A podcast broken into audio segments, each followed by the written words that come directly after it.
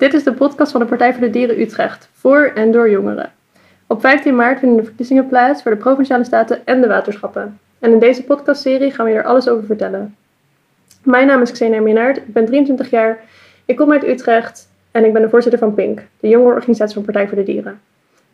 Bij mij in de studio zitten Naira van Lubeck, die jullie kennen van aflevering 1 van deze podcast, en Sebastian van Pruisen. Het is echt een, eh, een hele eenvoudige confrontatie met de natuur. Ik had altijd al wel een mening. Yes! Dit is de podcast van de Partij voor de Dieren Utrecht. Voor en door jongeren. Sebastian, waar kunnen mensen jou van kennen? Goedemiddag. Eh waar kunnen mensen mij van kennen? Nou, ik werk eh, sinds 2017 bij de Partij voor de Dieren in de Tweede Kamerfractie als beleidsmedewerker. Dus daar kunnen mensen mij van kennen. Als ze ingewikkelde vragen hebben gesteld aan, eh, aan de fractie, dan eh, heb ik die waarschijnlijk eh, voor een deel beantwoord. En eh, verder kunnen ze mij kennen hier uit Utrecht. Want je komt ook uit Utrecht. Ik kom oorspronkelijk uit Tilburg. Daar ben ik eh, geboren en getogen. Dat is misschien in een tongval nog een beetje te herkennen. Ja, zegt. maar ik woon in Utrecht sinds 2013. Ik heb hier gestudeerd en ik ben hier blijven hangen. En wat heb je gestudeerd? Ik heb hier in Utrecht milieu- en maatschappijwetenschappen gestudeerd. Dat is een studie die inmiddels niet meer bestaat, maar ehm, die als doel had om de brug te kunnen slaan tussen de technische kant van de milieuproblematiek en de bestuurskant van hoe we het dan oplossen. En ehm, dat leek me wel wat. En uiteindelijk is dat ook precies wat ik nu doe in, eh, in mijn werk in de Tweede Kamerfractie. Daar gaan we zo op door. Maar eerst ben ik nog benieuwd, heb je, heb je hobby's? Doe je nog dingen buiten de politiek? Je Zeker. leven? Ja, eigenlijk al mijn hele leven lang eh, ben ik bezig met volleybal. Eh, vanaf dat ik zes was ben ik daarmee begonnen. En zeker in mijn jeugd eh, heel veel gespeeld. En ehm, nu ben ik helaas geblesseerd. Dus ben ik vooral bezig als coach nog. eh, met verschillende teams. En dat, ja, dat kan ik toch niet helemaal loslaten. Ik heb het ergens een keer, zo rond mijn 18e en 19e, toen was ik het een beetje beu. Toen had ik er zoveel van gezien dat ik dacht, ik moet even los. En toen ben ik een paar jaar gestopt en daarna ging het toch weer kriebelen. Dus toen ben ik weer begonnen. En verder hou ik van zeilen. Ehm, dat is een van mijn eh, manieren om lekker de natuur in te kunnen gaan en eh, is ook wel een, eh, een Partij voor de Dieren hobby. Ja, dat geloof ik wel. Ja, ja. Ja, nee, maar ik, kan dat denk ik ook wel plaatsen. Ik heb wel eens bedacht van waarom vind ik dit nou zo fijn. Maar het is echt een, een hele eenvoudige confrontatie met de natuur. Want je bent Ja. dan op het water en je kan wel een kant op willen, maar als de winter daarvoor niet is, dan gaat dat gewoon niet. Dus je hebt je maar te schikken naar, naar wat de omgeving eh, doet, zeg maar. En het gevoel van, eh, als je bijvoorbeeld ook met een, hè, nog een oude dieselmotor of zo de haven uitvaart, dan je zet dan die motor uit en de wind komt in je zeilen en je voelt zo die rust en die stilte zo je meenemen, dan, ja, dan ben ik een gelukkig mens. Het klinkt wel heel mooi. Misschien wil ik ook een keer gaan zeilen. Ehm, nou, ik zei net ook al, Naira is hier ook. Naira, wil jij jezelf nog even kort Hallo. voorstellen? Eh, ja, ik ben Naida. Ik sta ook op de lijst voor Provinciale Staten op nummer 18. Eh, ik ben 22 jaar en ik ga bij de pronouns die dienst. En ik ben voorzitter van de afdeling Utrecht eh, van PINK. Dus daar ben ik actief in de politiek. Nice. Nou, ook welkom aan jou. En Sebastian, jij staat ook op een lijst? Ja, ja, op twee lijsten zelfs. Ik sta op de Provinciale Statenlijst hier in de provincie Utrecht op plek nummer 5. En ik sta ook op plek nummer 5 eh, op de Eerste Kamerlijst, dus landelijk. Was het expres dat allebei nummer 5 is? Nee, daar heb ik niet op aangestuurd. Maar eh campagne technisch is dat misschien heel handig. Ik heb nog geen slogan verzonnen voor eh Sebastian plek 5, maar zoiets had wel gekund, ja. Misschien kunnen de, de luisteraars nog wat leuke Ja, iedereen mag, eh, insturen. mag slogans mailen. En, de, en de winnaar krijgt een prijs. Een dagje zeilen. Een dagje zeilen, nice. Oké, ehm, nou, nu ben je dus heel erg politiek betrokken, maar is dat, was je altijd al geïnteresseerd in de politiek? Ehm, ik had altijd al wel een mening. Dat was niet per se altijd gericht op het politieke toneel waar zich dat afspeelt. Eh, dat is eigenlijk een beetje gaandeweg, het ja, einde van mijn middelbare schooltijd, begin van mijn studententijd, is dat eh, gegroeid. En ook wel eh, best vlot gegaan eigenlijk, want ik ben, voordat ik milieu- en maatschappijwetenschappen ging studeren, ben ik eerst een jaar in Nijmegen politicologie gaan studeren. En eh, dus toen zat ik ook wel echt die kant van de politiek op. En daar ben ik eigenlijk mee gestopt, omdat ik dat ook nog te ver af vond staan van hoe de politiek ging. Hoe ik, hoe zag dat het ging en hoe ik daarna wou kijken. En ehm, uiteindelijk ben ik daar toch weer bij teruggekomen. Dus ja, dat is zo gaandeweg mijn studententijd wel eh, gegroeid.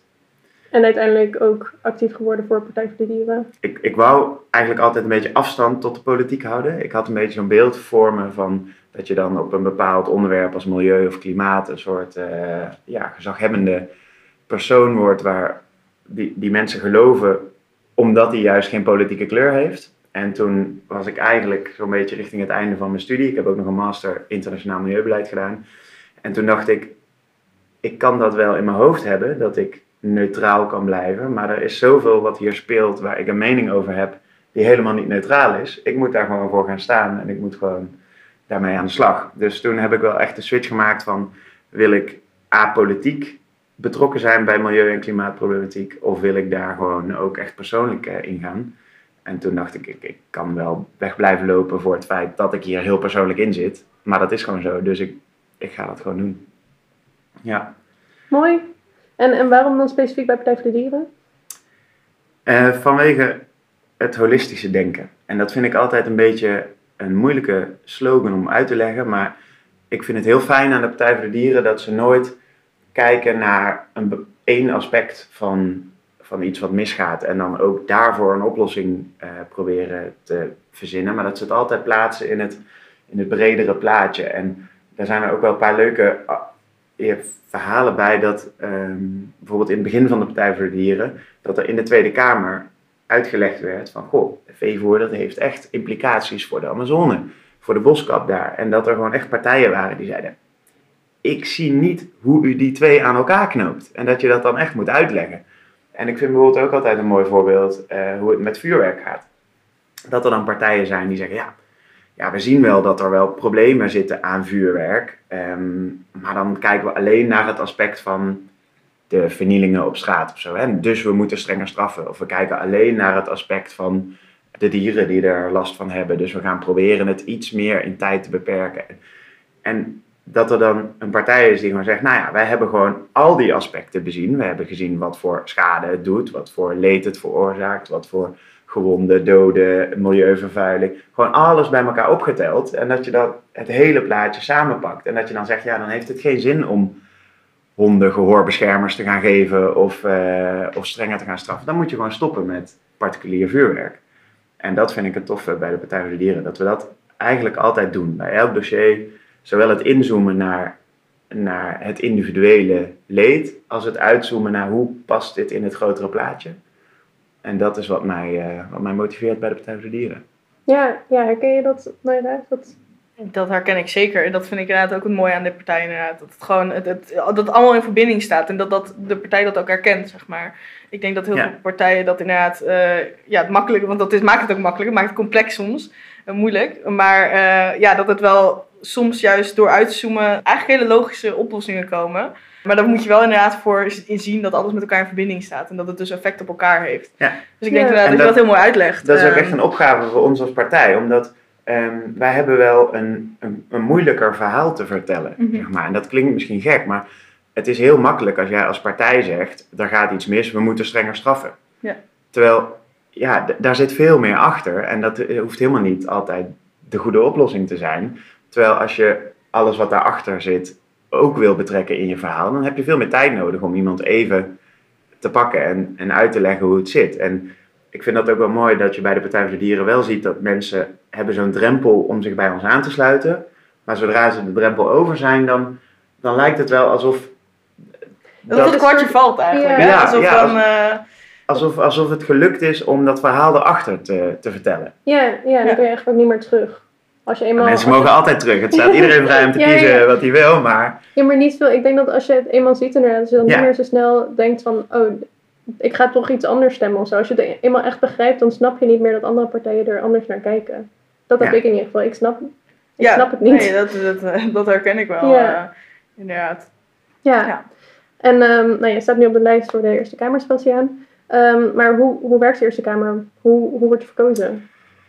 Ja, dat is een goede vraag. Want dat is het, denk ik het moeilijkste stukje aan het eh, Nederlandse eh, kiesrecht en staatsrecht. Dat gaat indirect. Dus mensen kiezen de provinciale staten voor je provincie kies je daar zeg maar de, de soort van de Tweede Kamer.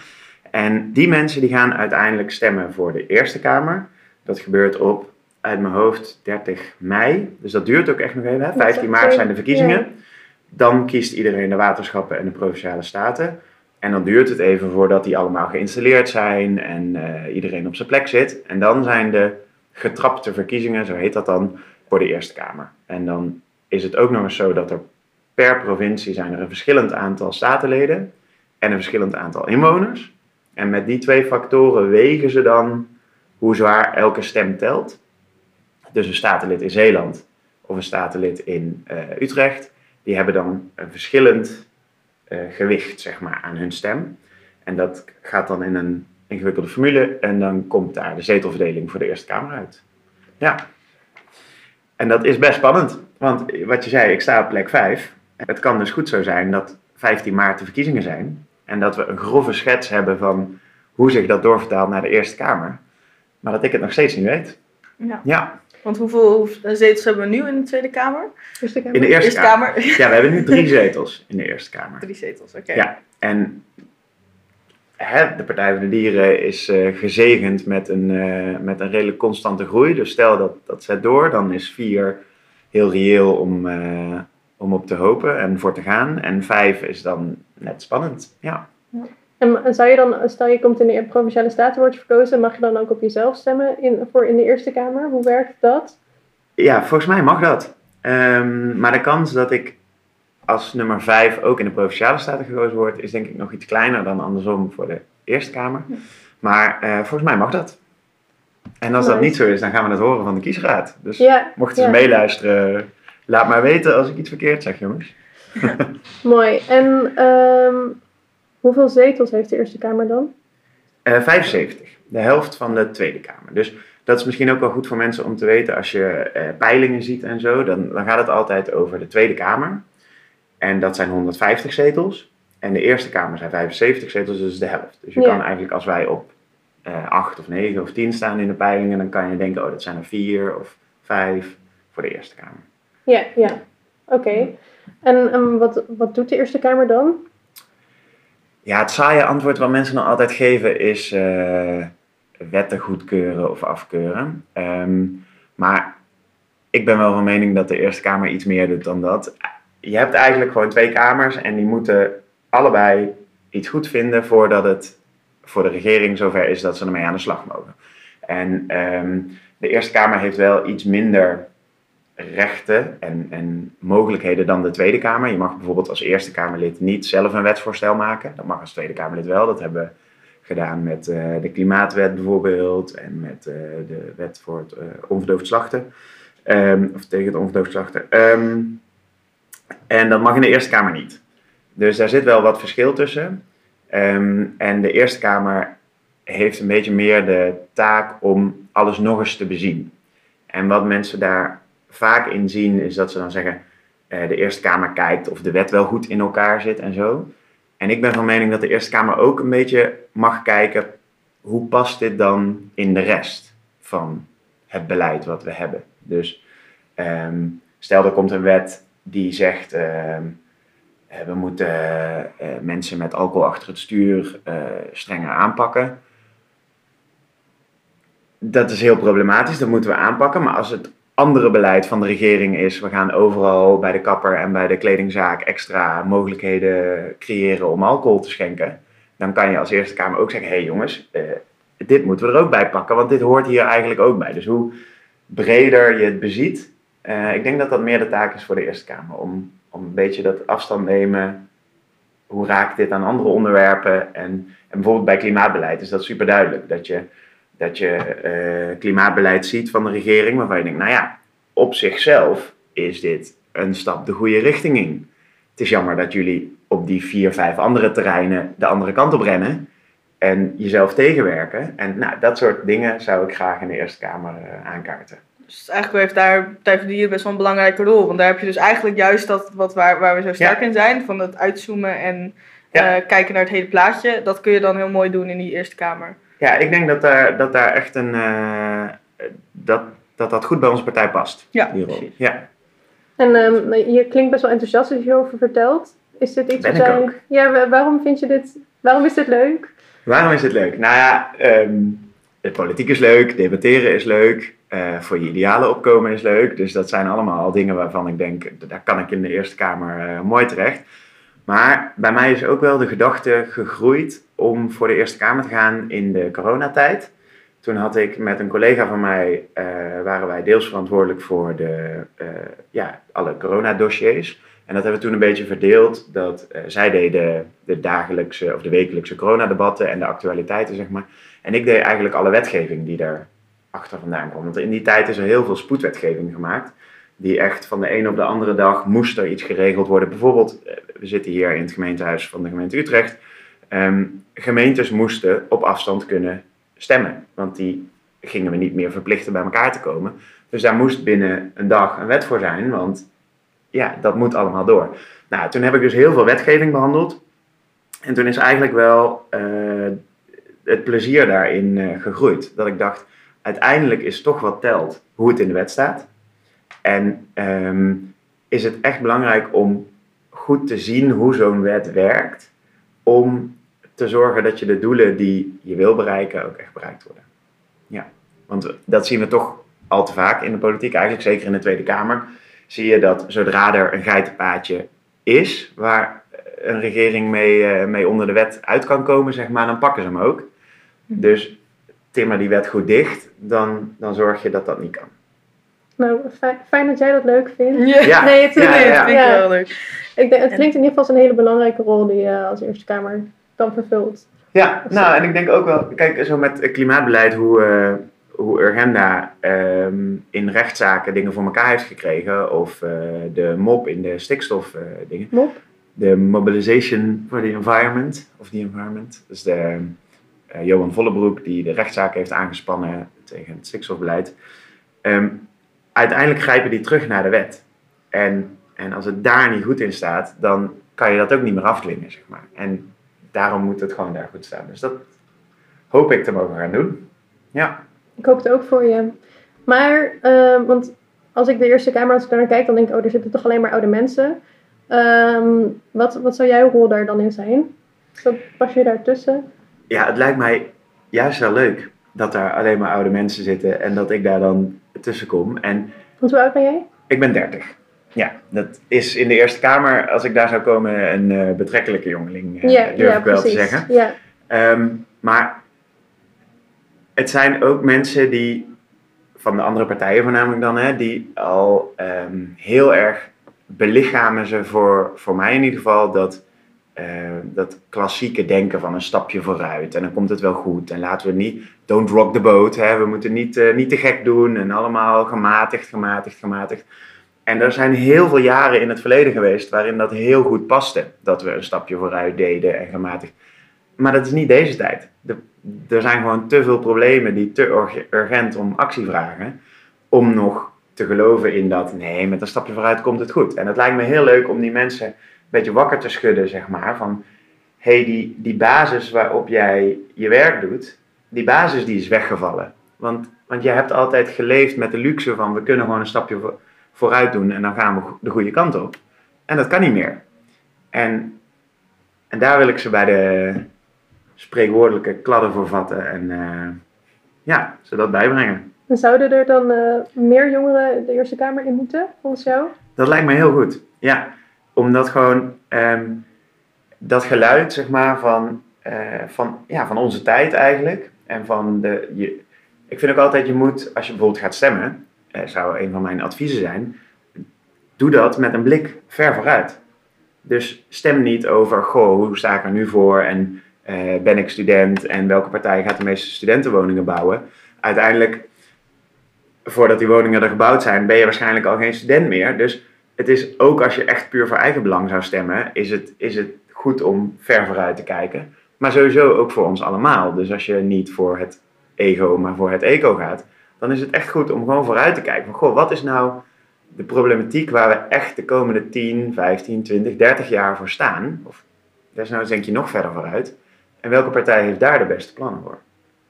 Dus voorbij de verkiezingstermijnen eigenlijk eh, moet je kijken. Ja, ja dat, ik denk echt dat dat, en dat ehm, ik denk dat jongeren daar, daar veel beter in zijn om dat te, eh, je voor te stellen, zeg maar. En ook om dat belang een stem te geven. eh, dan met alle respect voor eh, mensen met een grote bestuurlijke staat van dienst die 80 zijn en ook de Eerste Kamer in willen. Maar ja, dat leeft toch anders. Wij zijn er toch over een paar decennia toch nog wel, zeg maar. En, en echt ook wel zin dat we dan echt ons leven ingaan. Dus ik denk inderdaad dat je daar iets heel belangrijks zegt. Als in, weet je, we, jongeren die, die hebben nu, ja, die dromen denk ik nu ook echt van de toekomst. Die gaan een toekomst plannen juist. Ja, Ehm, ja en gaan ik vind ook mooi met, eh, om misschien nog even terug te komen op wa- wat je daar straks vroeg van waarom dan de Partij voor de Dieren. De Partij voor de Dieren is een partij die niet kijkt naar wat is de status quo en hoe gaan we vanaf daar een stapje vooruit. Maar die kijkt van wat is het ideaal. En dat, dan heb je al automatisch die lange termijn te pakken, zeg maar. Want als je gewoon zegt, dit is het ideaal, hier gaan we naartoe. Dan, dan moet je wel in een soort lange termijn visie belanden. En andere partijen die, die doen meer, maar ja, het is nu zo. Hoe kunnen we dat iets wat verbeteren?